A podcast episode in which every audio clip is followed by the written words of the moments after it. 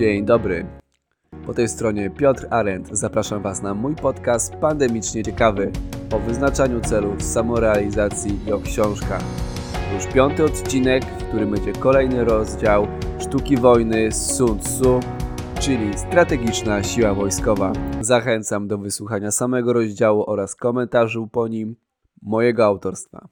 Zapraszam. Sun Tzu rzekł: Generalnie komendorowanie wielkimi siłami jest takie samo jak dowodzenie małą liczbą wojsk. Rzecz polega na dzieleniu liczb.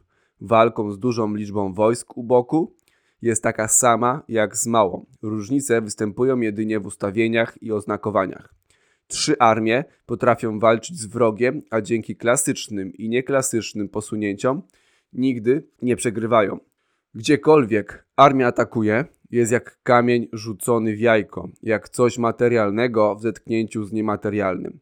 Generalnie nawiązanie walki wymaga klasycznych posunięć, a zwycięstwo nieklasycznych. Ci, którzy wykonują posunięcia nieklasyczne, są niestrudzeni jak niebo i nieograniczeni jak rzeki Yangtze i Żółta.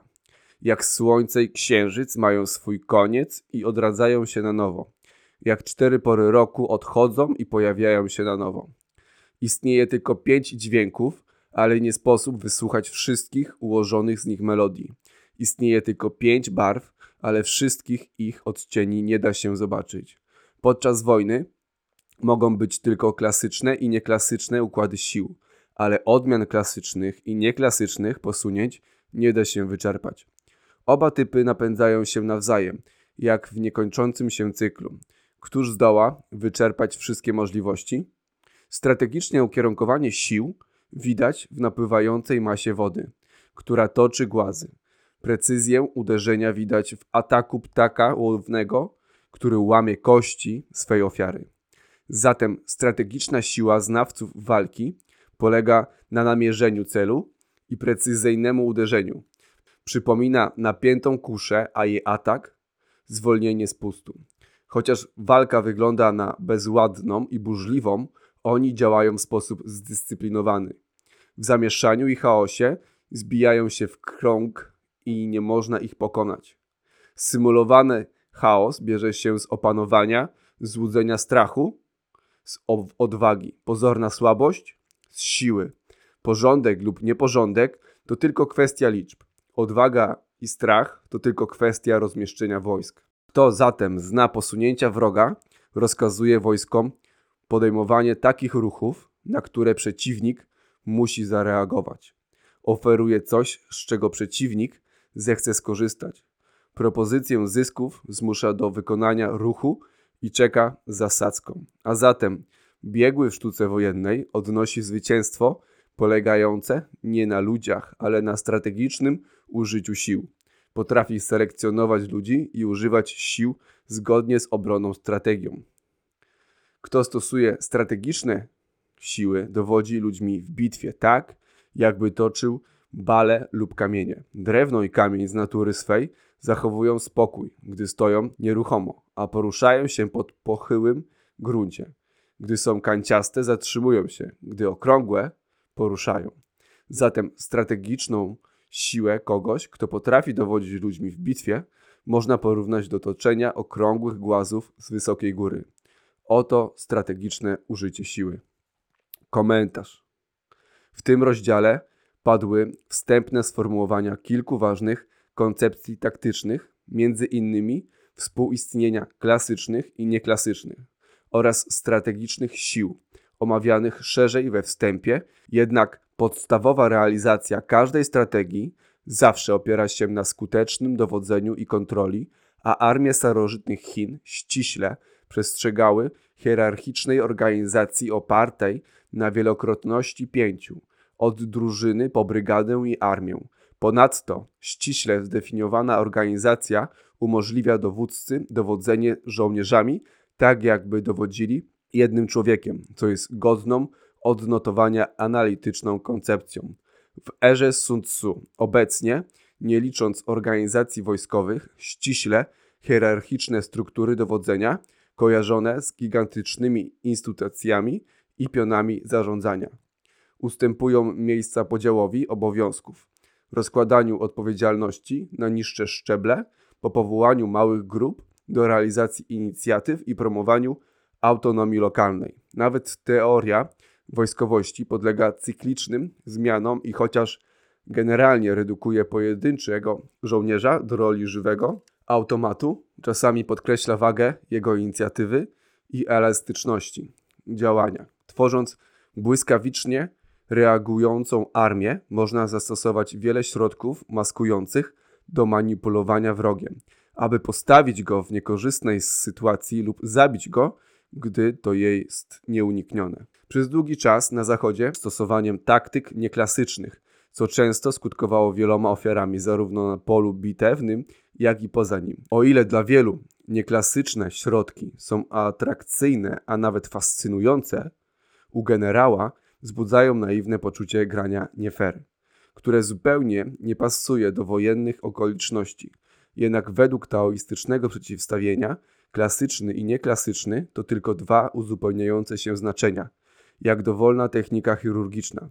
Nieklasyczne środki użyte w nieodpowiedni sposób prowadzą do porażki. Stosuje je też złoczyńca do nikczemnych celów, ale nie można potępić stojących za nimi intencji. Nieklasyczne środki i koncepcje uzupełniają się klasycznego z nieklasycznym. Umożliwia raczej spojrzenie na niekorzystne strony, np. przewagę liczebną wroga, własną słabość, brak obiegu informacji, niedostatecznie doświadczenie. Z perspektywy umożliwiają poszukanie alternatywnych metod i sposobów obrócenia sytuacji na własną korzyść. W najprostszej sytuacji na polu bitwy, gdy jedna strona ma znaczenie mniej wojska od drugiej, zastosowanie klasycznych środków polegałoby na pośpiesznym postawieniu niezbyt mocnych zasieków z nadzieją, że zaciekłą walkę uda się odeprzeć atakiem wroga. Warto przypomnieć, że dawniej obrońcy uważali, że jeśli atakujący wróg ma przewagę 3 do 1, to oni nie są w zupełnie beznadziejnym położeniu. Do najpowszechniejszych, nieklasycznych metod stosowanych w takich sytuacjach w Chinach należało stosowanie wysokich płotów i zniechęcenia przeciwnika przez stosowanie zmyłek uniemożliwiających określenie rzeczywistej liczby wojsk. Na przykład stawienie kukieł, wzniecanie kurzu i używanie innych prostych środków. Później koncentrowane siły na słabym punkcie wroga, aby doprowadzić do wyłomu w jego szeregach, a następnie do chaotycznej walki.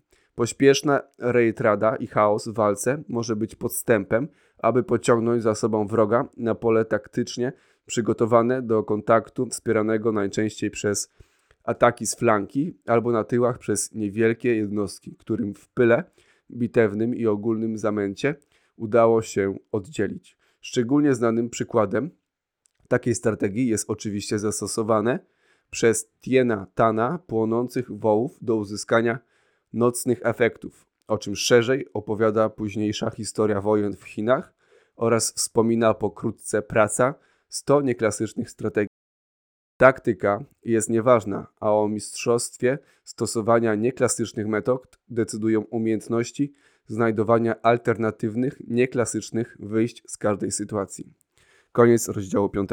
Jest to moim zdaniem jeden z ciekawszych rozdziałów, jak do tej pory, ponieważ mówi o tym, jak można wyjść z sytuacji, gdzie z góry mamy nałożoną porażkę, ale wyłącznie od nas w tym momencie zależy, jak tą porażkę możemy przekuć na własny zysk. No zobaczcie, zresztą tak jak tutaj było fajnie pokazane, że nawet jeżeli mamy wojsko, czy jakąś słabość, to wojsko to nasza słabość, możemy dzięki tej słabości stać się silniejsi. W jaki sposób? Po prostu zacząć tą słabość zamieniać w naszą mocną stronę. Jeżeli ktoś potrafi, jest chociażby uzależniony przez to, że właśnie ma problemy, bo zazwyczaj uzależnienie wykazuje jakiś tam problem, to jeżeli będziemy potrafili poradzić sobie z takim problemem, które po prostu tak nas zniszczyło, no to jacy widzimy? No pewnie, że silni, tak? Bo potrafimy rozwiązać ten, w ten sposób nieklasyczny. Potrafimy odwrócić tą sytuację i iść do przodu jeszcze szybciej. Na co dzień my jesteśmy manipulowani właśnie w sposób nieklasyczny, tak? Bo do tych manipulacji normalnych, które mamy e, już przez ileś lat, jesteśmy już przyzwyczajeni. No ale zobaczcie, jak nas atakują chociażby reklamy, gdzie mówią, dostaniesz coś za darmo, jest super upust. dostajesz, o to chyba najfajniejszy przykład teraz w ten Black Friday, co było, nie? Popatrzą sobie na 60-70% pro, promocja procentowa, prawda? Przekreślone ceny, a tak naprawdę te ceny, które widzicie, są albo standardowe, albo jeszcze wyższe.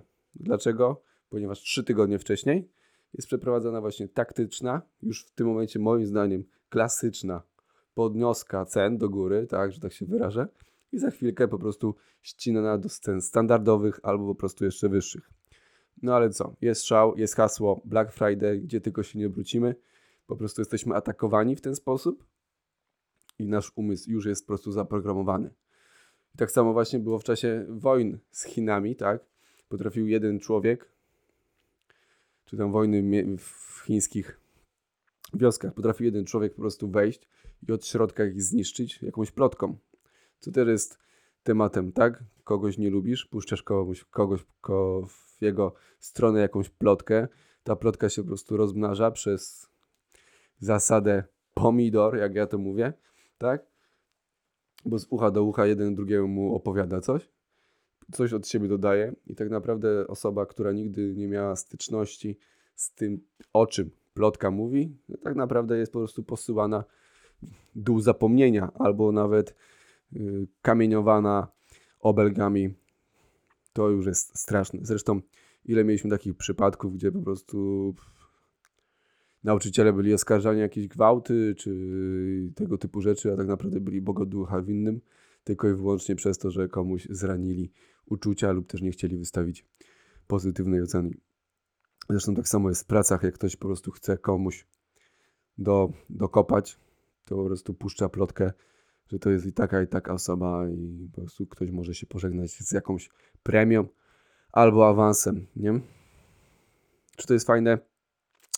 No, tak jak było yy, w tym, w tym, w tej rozdziale, że nie wszystkie nieklasyczne yy, rozwiązania są fair, ale no, tak jak broń, chociażby nóż, możemy użyć do normalnego stosowania typu obierania, yy, obieraniem po prostu warzyw do zupy, tak jak ja to dzisiaj zrobiłem, czy ziemniaków, tak? Ale możemy też również wziąć kawałek drewna, które jest po prostu proste, zwykłe, w nieklasyczny sposób wykorzystać nóż, to znaczy rzeźbiąc, wycinając z tego coś, tak? I po prostu z czegoś robimy coś i to jest po prostu piękne, tak? Czyli mamy po prostu dwa w tym momencie przyrządy, czyli nóż i kawałek drewna, i możemy skonfigurować je w taki sposób, że po prostu tylko co nas ogranicza, to nasz umysł. I tu też jest podane, że kombinacji przeróżnych strategii klasycznych i nieklasycznych jest mnóstwo. Jedyne, co nas ogranicza, to nasz umysł i nasza wyobraźnia, czyli tak naprawdę nic. Co jest ważne, trzeba po prostu patrzeć szerzej na wszystko, co nas otacza. Jeżeli jesteśmy w sytuacji, gdzie naprawdę jest nam ciężko, to spójrz to po prostu z dystansem. Porozmawiaj z kimś o tym. Nie wiem, nagraj może sobie to, co się teraz akurat u ciebie dzieje. Odsłuchaj i nagraj pre, moż, prawdopodobnie możliwości, które ci potrafią, po, pozwolą ci z tego wyjść. Czy to ci pomoże? Nie wiem, ale jak nie spróbujesz, się nie dowiesz. To jest najważniejsze. Najważniejsze jest próbować po prostu nieklasycznych rozwiązań i się nie poddawać, jeżeli to, co nas spotyka na co dzień, nas dołuje. Więc to jest moja myśl co do, tych, y, co do tego rozdziału. Dzięki, że mnie słuchacie. Tak w ogóle już jest piąty odcinek. Mam nadzieję, że będę mógł kiedyś powiedzieć witam Was w moim 500 odcinku, także jeszcze trochę mi do tego brakuje. Ale co najważniejsze, dzięki wielkie za wysłuchanie. Mam nadzieję, że jak będzie Wam się to podobało, to udostępniajcie to swoim znajomym. Piszcie mi na profilu na Facebooku czy na Instagramie, jak Wam tego się słucha, co można jeszcze w tym poprawić, co można w tym zmienić. Chętnie poczytam takie opinie. Nawet jeżeli Wam się nie podoba, też to wysyłajcie. Ważne, żeby po prostu czuł, że ktoś tego słucha. Czy coś zmienić, czy nie zmienić.